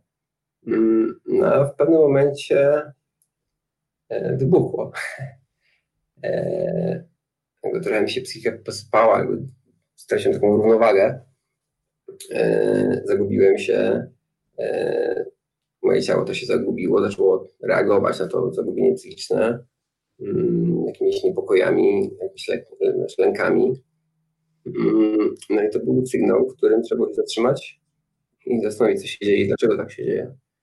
E, I, wtedy zacząłem dostrzegać potrzebę poszukiwania mm, tego, co się dzieje w środku, wychwytywania, co się dzieje, co się czuje, dlaczego to się czuje, mm, zareagowania na to, e, odkrycia też mechanizmów, skąd to się bierze, e, zrozumienia siebie. To był bardzo długi proces. E, I możliwe, że ta prowadzka też miała z tym pewien związek właśnie, że zacząłem powoli coraz dogłębniej, dokładniej dostrzegać, tak? czego potrzebuje moja głowa, czego potrzebuje moje ciało, mm, żeby być szczęśliwym, spokojnym, zadowolonym. I tym tropem staram się iść. No, ale nie jest to łatwe też, zwłaszcza gdy się jednocześnie chce być bardzo aktywnym. Czyli właśnie i praca zawodowa, i dzieci, i książka, i siatkówka, i muzyka. No tego jest dużo, a w tym pędzie bardzo łatwo e, się zgubić. Ja się tak właśnie zgubiłem swego czasu, e, robiąc po prostu zbyt wiele, tak? nie dając sobie wytchnienia, nie dając sobie jakiegoś odpoczynku, spokoju i, i nie słuchając sam siebie. I od tamtej pory no, staram się tego pilnować i, i mi coraz lepiej. I na to, że to, to doświadczenie może mi właśnie pomogło też, pomaga w pisaniu książek, bo mm, być może dzięki temu lepiej zrozumieć bohatera, którego konstruuję yy, i, i, jego zachowania, co z czego się bierze, z czego wynika. Bardzo Ci Tomek dziękuję za tę opowieść o zagubieniu i o zgubieniu, bo myślę, że tak tutaj siedzimy, każdy z nas ma taki etap e, za sobą, a czasami oglądając media można odnieść wrażenie, że są tylko wszyscy zwycięzcy gdzieś, e, a ten etap e, bolesny każdy z nas gdzieś ma, prawda, schowany i cieszę się, bo mhm. też dzisiaj razem z nami jest widzę Marcin Matych, czyli doktor Nerwica, z którym niedawno rozmawialiśmy o zaburzeniach różnych lękowych na przykład i o tym, jak te kryzysy w ogóle są paradoksalnie potrzebne, żeby więcej zrozumieć i, i że pewne takie sytuacje y, widzi się dopiero z perspektywy czasu, że człowiekowi sprzyjają, jakby to była taka czerwona lampka w silniku, zatrzymaj się i zobacz o co chodzi, bo na autostradzie... Właśnie się pojawiają dużo wcześniej, też prawda, bo to tak. jest tak, że, e, że to nie wiem, jakaś nerwica się pojawia i to jest ten sygnał ostrzegawczy, to jest sygnał, no, pojawiają się dużo, dużo wcześniej jakieś um, ostrzegawcze, natomiast no, w tym pędzie się zazwyczaj ich nie, nie, nie dostrzega. No. A potem, pojawiają, się, pojawiają się kolejne pytania, więc od razu Ci przekazuję. Y, I to jest pytanie od Pani Marii. A co Pan Tomasz sam lubi czytać? Panie Tomaszu, Pan o. odpowie. E, ja bardzo lubię czytać, natomiast czytam trochę za mało. E, to wynika z tego, że gdy piszę powieść, to trwa kilka miesięcy, poświęcam na to wszystkie wieczory.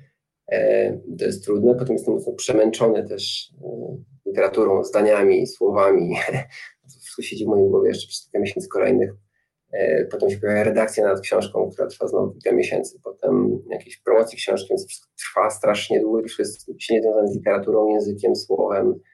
Mm, I czuję po prostu przesyt i przemęczenie. E, I dopiero potem to wszystko już ucichnie, a jeszcze nie zaczynam pisać nowe książki, mm, no pojawia mi się chęć do czytania z powrotem. Ale przez to tego czasu jest mniej mm, na czytanie. Natomiast no, lubię czytać zasadniczo literaturę piękną. Kiedyś próbowałem czytać kryminały, ale nie szczególnie, nie szczególnie mnie to wciągnęło. Mm, no, z polskich autorów to bardzo lubię Szczepana Twardocha, Łukasza Orbitowskiego, mm, Jakuba Małeckiego, Olgę Tokarczuk, e, a z zagranicznych Foneguta, e, Rota, Elbeka, ale literaturę piękną czytam. Pani Meryl napisała, że już książka kupiona, nawet dwie. Nie mogę się doczekać tej podróży. Dziękuję Pozdrawiam bardzo. Państwa serdecznie. E, bardzo lubimy takie zakupy, słuchaj, hurtowe. Ja też bardzo lubię, e, kiedy Państwo się odnajdują wrażliwości gościa i potem e, testują sobie podróż. Proszę dać znać po lekturze, bardzo jestem ciekawa, co w Pani najmocniej zagra. To ja kolejny fragment, ponieważ jest też postać, którą ja bardzo lubię, czyli postać sąsiada, który się nagle pojawia, to tylko fragmencik. Już miał zacząć kolację, gdy usłyszał dzwonek do drzwi. Zdziwił się bardzo nawet, bo przecież słyszał go tylko raz i to dawno temu. Dziwny ten dzwonek, piskliwy, dotkliwy. Wahał się Adam, czy podejść, może to jakaś pomyłka. Na pewno, kto by się w Wigilię szwendał po domach. Ale dzwonek zadzwonił kolejny raz, więc Adam poszedł sprawdzić. Po drugiej stronie dostrzegł Staszka, właściciela mieszkania. Otworzył od razu, żeby właściciel nie musiał dzwonić właściwie do siebie. Po raz trzeci. Dobry wieczór, powiedział Stanisław z uśmiechem. Ubrany był elegancko w marynarkę w kratę i niebieską koszulę. W dłoni trzymał talerz ze sporym kawałkiem ciasta. Adam zdziwił się bardzo i na widok Staszka otrząsnął się z otępienia, jakby otrzeźwiał. Nie dostał pan czynszu ostatnio? Włożyłem do koperty i do skrzynki pocztowej, jak było umówione. Zaczął się tłumaczyć. Kiwał przy tym głową jak te pieski w samochodach, które w rytm jazdy kołyszą łebkami. Wszystko w porządku, czynsz jest. Kontroli trzeźwości też ci nie robię. Mogę wejść? Zapytał właściciel ręką wskazując w stronę pokoju.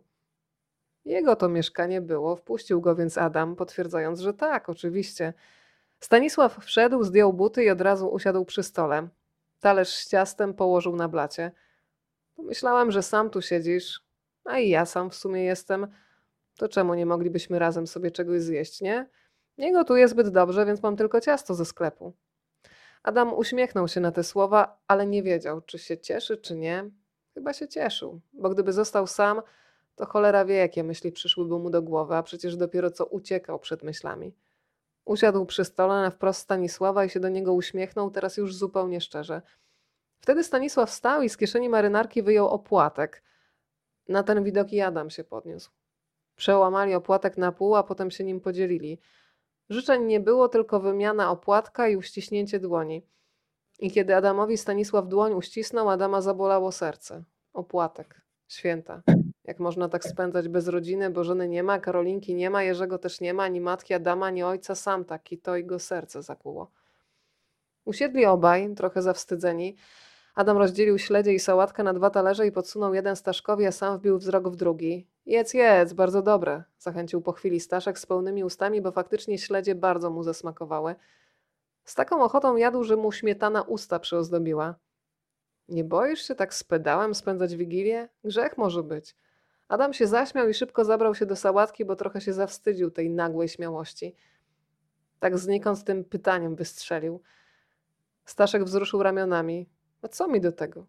Pamiętasz to zdjęcie w kuchni, które znalazłeś? No i historii zdjęcia już Państwu oczywiście nie zdradzę, ale powiedz o tym sąsiedzie. Powiedziałaś na początku, i to mnie bardzo zastanowiło, że piszesz intuicyjnie, to już wiem, to już sobie utrwaliłam, i że w zasadzie nie masz na początku od razu jakiegoś planu, tylko że trochę cię ci bohaterowie y, prowadzą, więc w którym momencie się pojawił sąsiad? Powiem ci, że jak sobie w ogóle wyobrażam tych dwóch mężczyzn e, i potem to, co się dzieje, i historia sąsiada, jak te losy się zaczynają splatać, e, no to jest w tym coś bardzo poruszającego, w, w takiej też nieporadności w mówieniu o uczuciach, a jednocześnie takiej bliskości, kiedy po prostu czasami potrzebujesz, żeby ktoś z tobą posiedział i nawet możecie siedzieć w milczeniu. No to, to mnie złapałaś, bo akurat tak, wszystko jest intuicyjne w tej powieści, prawie wszystko. Są dwa, dwa elementy, które takie nie są. Są dwa elementy, które są spójne też z elementami, które są w mojej debiutanckiej powieści do końca świata i które chyba będą się przewijać już w kolejnych też powieściach, e, bo i w powieści, którą, którą mam w planach też, e, też tak będzie. I to jest właśnie, no że to jest ten sam bohater, ale jest to pewna postać, symbol, E, która się w tych powieściach przewija i o której nic więcej nie powiem.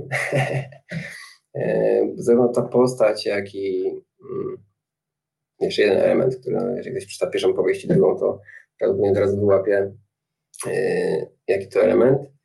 Mm, no, nie będę, nie będę jeszcze zdradzał, to akurat moja tajemnica, jeśli chodzi o to. Bardzo dobrze, ja nie będę cisnąć. Nie, to jest coś, Ale co... Powiedziałeś... Hmm? Ale jak powiedziałaś właśnie o kolejnej rzeczy, to możesz nas przynajmniej, no, to, to czego nie możesz powiedzieć, już nam powiedziałeś, że nie powiesz. Ja nie będę cię przypierać do ściany na pewno, obiecuję.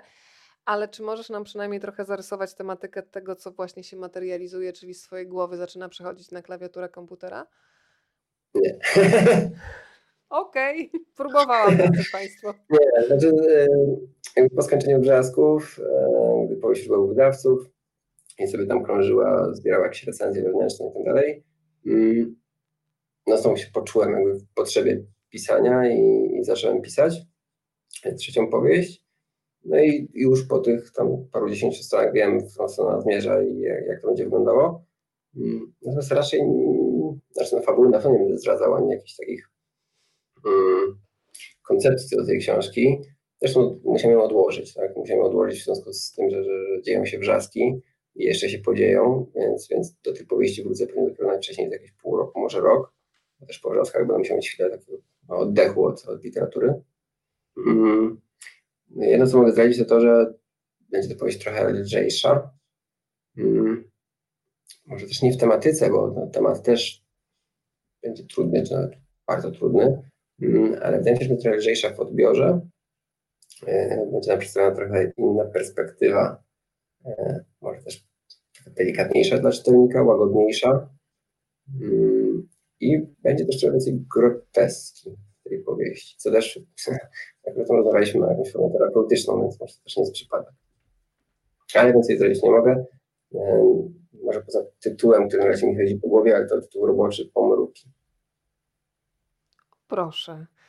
No to słuchaj, to jeszcze mam pytanie. Zresztą widzę, że już masz tutaj ambasadorkę. Pani Wanda napisała, książka przeczytana, jest wspaniale napisana, polecam wszystkim z całego serca. Nowy Sącz jest pięknym miastem, także tutaj wiesz, i promocja miasta, i promocja ciebie. Dziękuję bardzo. I właśnie jeszcze pani y, Wanda dopytuje, y, co czytasz swoim dzieciom na dobranoc? Czy czytasz w ogóle?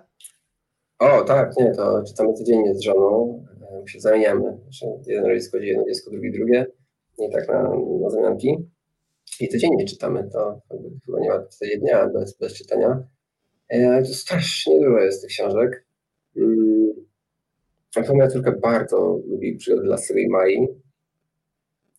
E, to książki detektywistyczne, więc ona teraz tak, ma na, na bycie detektywem, więc bardzo, bardzo lubi.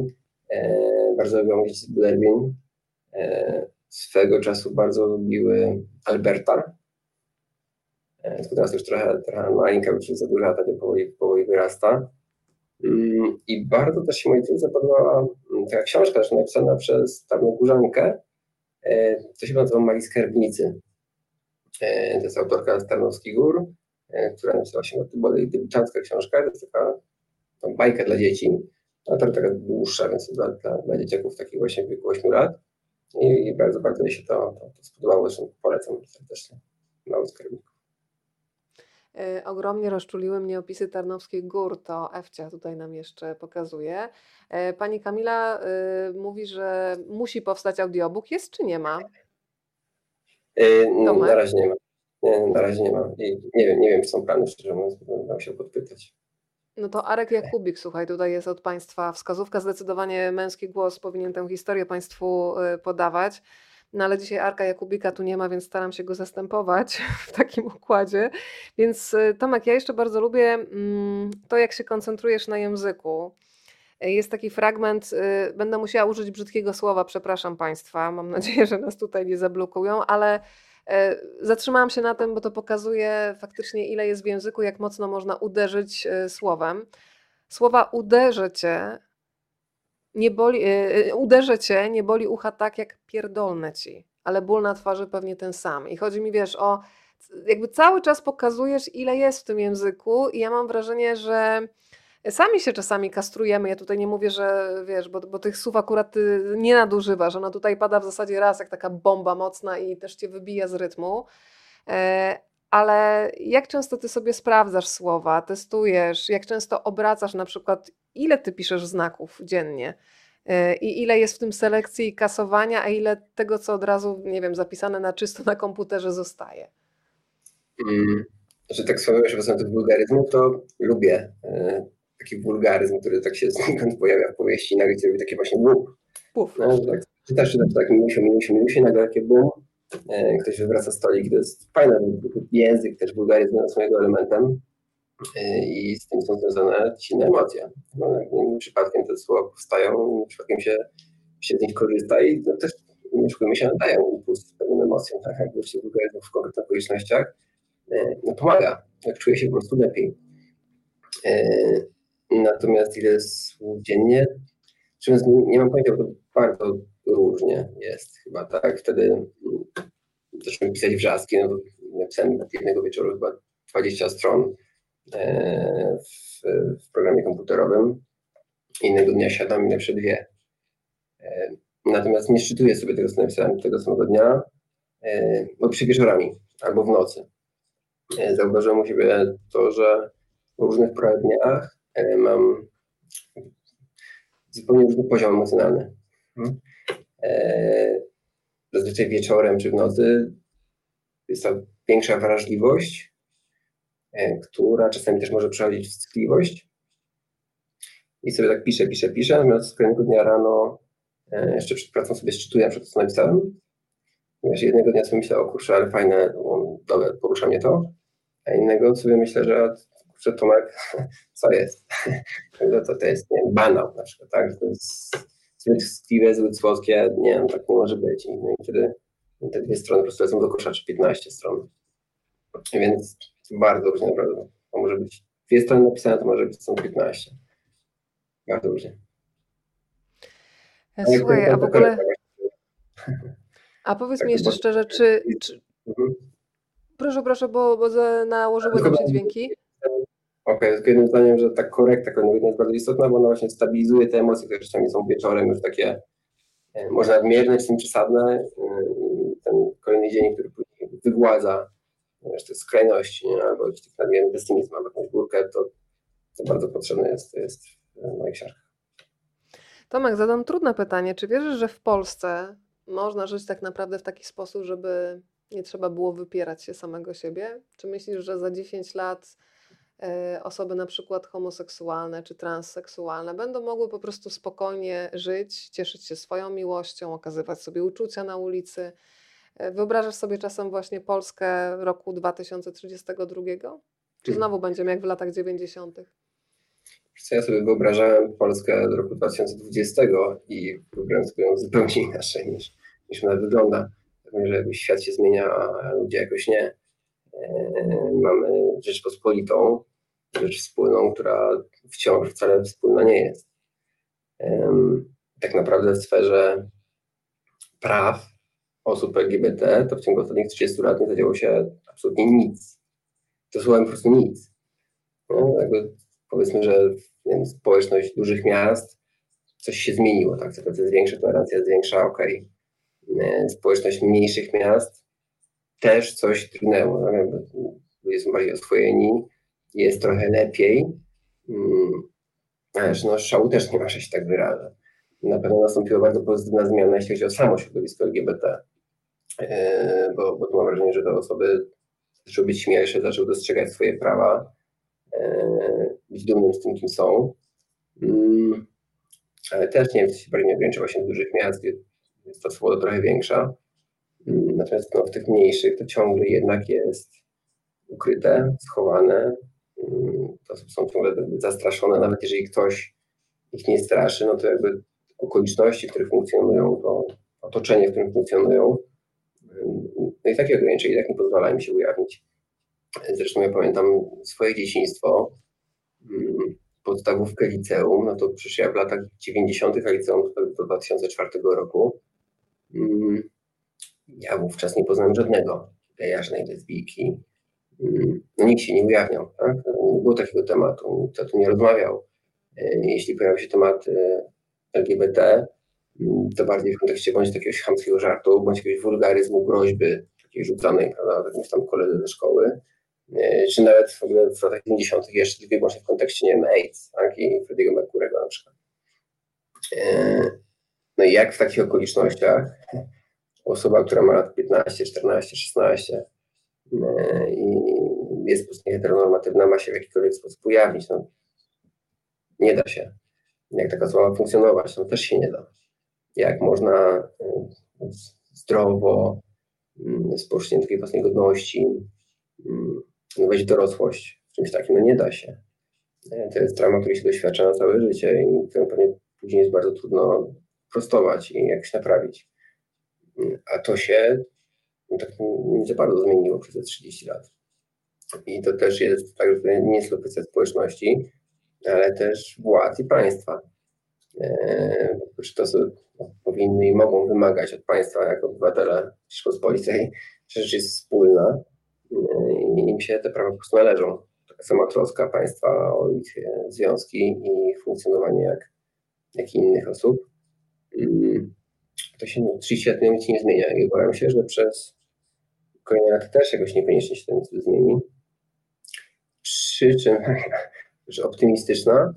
Mm, Dużo nadzieję widzę w pokoleniu młodych ludzi, ale takich zupełnie młodych. To właśnie pokolenie moich dzieci, e, też osób starszych. I tu mam wrażenie, że osób, osób wychowanych, no, to może dziwnie zabrzmi, bo generalnie zawsze krytykujemy tak, e, dzieci za że posiadają zbyt dużo w internecie, oglądają za dużo jakichś tam seriali na platformach telewizyjnych. A to akurat chyba jest duży plus internetu i platform telewizyjnych, że pokazują świat młodzieży różnorodny. Znaczy ja byłem młody, nie miałem Netflixa, nie miałem internetu, e, więc mój świat ograniczał się do społeczności Nowego Echo, Tarnowskich Gór, e, czyli zasadniczo wszyscy byli oficjalnie heteroseksualni, wszyscy byli biali. Tak? Nie, było, nie było tej różnorodności. Są, z tą różnorodnością spotkałem się na studiach w Warszawie. E, natomiast moje dzieci, to pokolenie trochę starsze, ma styczność z różnorodnością świata, jego wielobarwnością. Oni oglądają bajki, e, oglądają jakieś seriale, mm, czy widzą w internecie i osoby o różnym kolor skóry i różnej orientacji seksualnej, e, czy widzą po prostu rzeczywistość. Widzą świat różnorodny, wielobarwny, tak jakim jest e, i, i mogą się z nim oswoić, go podziwiać. Widzą ludzi, a nie orientację, prawda? Dokładnie, dokładnie tak. Jakby dla nich nie, nie ma znaczenia to, czy ktoś ma taki kolor skóry, czy inny. Po prostu no, ludzie, tak? Jest bohater książki, bohater serialu, bohater bajki, no, po prostu jest tak człowiekiem, czy, czy yy, nie widzą żadnej różnicy. Dla nich nie ma zaskoczenia i tu wierzę w to, że właśnie gdy oni wejdą w dorosłość, to się nie zmieni. Dla nich na pewno nie mają żadnego znaczenia i tak być powinno. No, świat jest wielobarwny, świat jest różny, no i tak być powinien, trzeba to zaakceptować po prostu, bo tak jest. I wypieranie rzeczywistości no, może prowadzić tylko i wyłącznie do, do, do krzywdy. Tak, bardzo jest mi bliskie to, co mówisz, bo też zdałam sobie sprawę, że dorastałam w latach 80. w Rzeszowie i faktycznie wydawało mi się, że jest tylko jeden możliwy scenariusz na życie, czyli mąż, żona, dzieci. I dopiero po mhm. przyjeździe na studia, kiedy zobaczyłam, że ludzie naprawdę mają różne pomysły na to, jak sobie to życie ułożą, uświadomiły mi, że świat naprawdę nie jest tylko, że nie ma jednego scenariusza, który muszą zrealizować wszyscy. I to, to jest bardzo, myślę, też y, otwierające. Ale nawet kiedy mówiliśmy o tym, czy coś się zmienia, czy nie, to cieszę się, że zaczęliśmy być też w dobrym sensie podejrzliwi w stosunku do słów, bo nawet kiedy słyszę, wiesz co, w przestrzeni publicznej słowo tolerancja, to dopiero dzisiaj z tej perspektywy myślę sobie, że w tym słowie jest coś takiego wyższościowego, że ja cię toleruję. Że tu nie ma, że jesteśmy ludźmi wszyscy, tylko znowu łaskawie pozwalam ci na istnienie, nie? Że, że jakby zaczęłam włączać też, że... Tak, tak. Nie? Że, mhm. że, że, że, coś, że coś w tym słowie też czasami takim jest i jakby cały czas szukamy, nie wiem, zamienników, tego, co by oddawało tę rzeczywistość, ale cieszę się, że jakby ten proces już się, tak jak samo jak się, nie wiem, zmieniło, Rozmawialiśmy o tym sobie na próbie technicznej. Zdradzę, że pojawiają się feminatywy i teraz już są obecne i już nikogo to nie dziwi. Ale też mówi się, nie wiem, osoby z niepełnosprawnością, a nie niepełnosprawni, bo to nie jest coś, co ich definiuje. I to jest jednak kwestia, tak jak na siłowni, ilość powtórzeń. Nagle to się staje dla ciebie no, tak, naturalne, tak. a nie czymś nowym. Na nie? początku to gdzieś tam, nie wiem, może boleć ucho, prawda? Że oj, no nie, no, jak to brzmi, to, to, to nie tak, nie, to tak nie powinno być. Przecież język się nie zmienia. No nieprawda, język się zmienia. Yy, to, to język się dostosowuje do. No, przepraszam. Czytaj, czytaj. Możesz czytać na głos panią Anię, bo to będzie też podcast, więc przeczytaj. Yy, pani Anna Smith, mam ogromną nadzieję, że tak się stanie, że w końcu i w Polsce nastąpią te zmiany. Mi przyszło żyć w kraju Wielkiej Brytanii, gdzie nie do pomyślenia jest to, co się dzieje w Polsce. Mamy to szczęście, że moje dzieci uczą się w szkole tolerancji i szacunku do człowieka, dlatego że możemy się różnić pod każdym względem, wyglądem, przekonaniami, religią, orientacją itd. Tak Ale wszyscy jesteśmy ludźmi z takim samym prawem do wszystkiego, do miłości też, takiej jakiej chcemy, takiej jaką chcemy. Tak. Ja tylko tutaj jedną, jedną przestrogę dla Wielkiej Brytanii. To jest wartość, o którą trzeba dbać, bo potem przychodzi taki premier czy inny premier i nagle się okazuje, że że jak w przypadku Anglii da się nakręcić jednak tą spiralę nienawiści do obcych, która potem staje się nagle postawą do Brexitu, prawda? więc to, to też nie jest dobre na zawsze i to też jest coś, o co, co trzeba dbać i pilnować też czy polityków, czy swoich przedstawicieli, że żeby nie wpadali w ten mm, łatwy nawyk mm, budowania agresji, nienawiści, na której się łatwo buduje też poparcie społeczne. Bo to potem ma złe konsekwencje, co widzimy też w Polsce. Tomek, to teraz jest ten moment, kiedy książka znajdzie swój dom, twoja książka. Mamy tutaj taki zwyczaj, że podczas spotkań rozmawiam, bo lubię książki znajdują dobre domy, a dużo dobrych ludzi po drugiej stronie, jak sam zobaczyłeś e, po komentarzach, więc e, drodzy Państwo, zasada jest zawsze ta sama. Proszę dać losowi szansę. Wpisujemy hasło rozmawiam, bo lubię pod transmisją na profilu rozmawiam, bo lubię.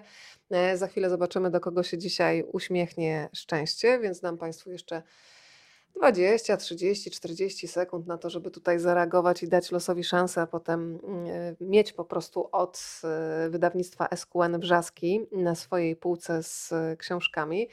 A ja korzystając jeszcze z okazji, że powoli dobijamy do brzegu, to muszę Cię Tomek zapytać, bo już wiemy, że coś powstanie, ale czy Ty już masz podpisaną umowę i tak zwany, no coś, czego zazwyczaj nie lubimy, czyli deadline, który z jednej strony mobilizuje, ale z drugiej strony trochę przeraża, więc jak to jest?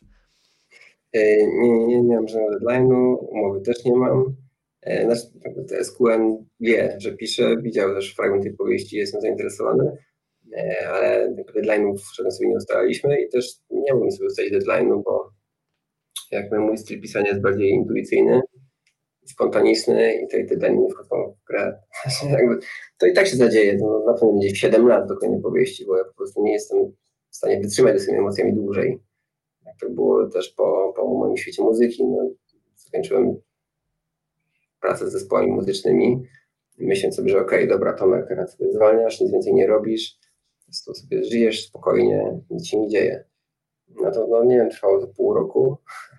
I tak mnie nosiło, że musiałem coś zrobić. No, myśliłem coś, co po prostu było łatwiejsze do realizacji przy trójce dzieci niż muzykant, zacząłem pisać.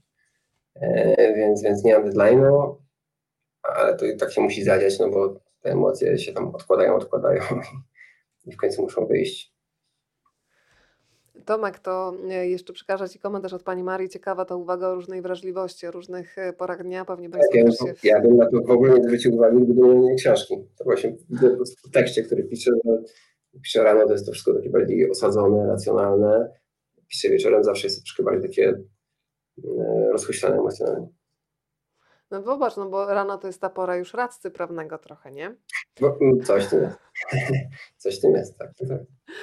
No to włączamy teraz naszą maszynę, która tutaj wyłoni zwyciężczynię lub zwycięzcę dzisiejszego wieczoru.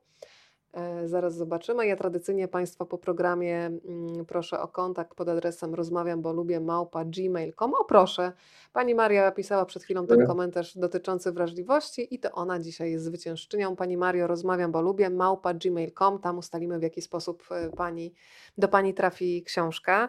Tomek, to czego Ci życzyć? Oprócz tego, że dobrych snów, bo to już taka pora, że 22.07, ale tak e, bardziej życiowo. Czym jest dla ciebie, mm. teraz mi przyszło takie pytanie, wiesz co, czym jest dla ciebie szczęście, ale w sumie jak rozmawia to tylko o rzeczach ważnych, bo ja bym ci chciała szczęścia życzyć, ale jestem ciekawa już na finał, co ty pod takim hasłem, trochę wydmuszką, nadużywanym często w przestrzeni, życzę ci szczęścia, co, pod co byś tam wsadził, bo w zasadzie powiem, że będę trzymać kciuki pod, za twoją definicję szczęścia, ale chciałabym ją poznać. Hmm, no z tym szczęściem to jest tak, że ono pewnie jest, tylko sobie trzeba je mm, dostrzec no, i docenić. To szczęście może być ukryte w absolutnie najprostszych rzeczach, e, które są, których się doświadcza, to trzeba to zauważyć, więc jeśli mi czegoś życzyć w zakresie szczęścia, to właśnie tej uważności, żeby, żeby, żeby to szczęście widzieć i docenić i trochę więcej jakiejś takiej może pewności siebie. To ja Ci życzę tego z całego serca i myślę, że Państwo, którzy są razem z nami również, to takiej y, uważności do odczytywania tych różnych dobrych momentów, które wszechświat wysyła. Ja Ci z całego serca, Tomek, dziękuję za wrzaski i za to, co ta książka ze mną zrobiła. Y, a Państwa zapraszam w najbliższy wtorek. Tomek, Ciebie również, jeżeli będziesz miał ochotę po prostu sobie poglądać, to zapraszam. Z dzieciakami tym razem, bo 11 października w najbliższy wtorek na pokładzie Rozmawiam, bo lubię pojawi się duet ilustratorsko-pisarski, czyli Marta Kurczewska i Cezary Harasimowicz, a porozmawiamy o ich książce Tygrys, przepięknie przez Martę zilustrowaną i to będzie taki punkt wyjścia naprawdę. Oczywiście będziemy rozmawiać o książce dla dzieci, dzieciaki będą mogły też zadawać pytania, jeśli jeszcze nie będą spały, ale też porozmawiamy trochę o tym, że każdy z nas jak tygrys, którego poznacie w książce, no siedzi w różnych klatkach, siedzimy, mm, no i pogadamy o tym, czym dla nas e, jest e, wolność. A już teraz życzę Państwu spokojnego wieczoru, w zasadzie już spokojnej nocy. Tomek, wysyłam dużo dobrych myśli i mam nadzieję, że przy kolejnej książce, niech Ci się dobrze pisze, też się spotkamy i znajdziesz czas, żeby o niej pogadać. Super, bardzo dziękuję. Dziękuję za rozmowę i uczestnictwo. Y, dobrej nocy, pozdrawiamy wydawnictwo SQN Wrzaski. W taki wirtualny sposób oddaję teraz Państwa ręce. Dobranoc, do zobaczenia. Dobranoc.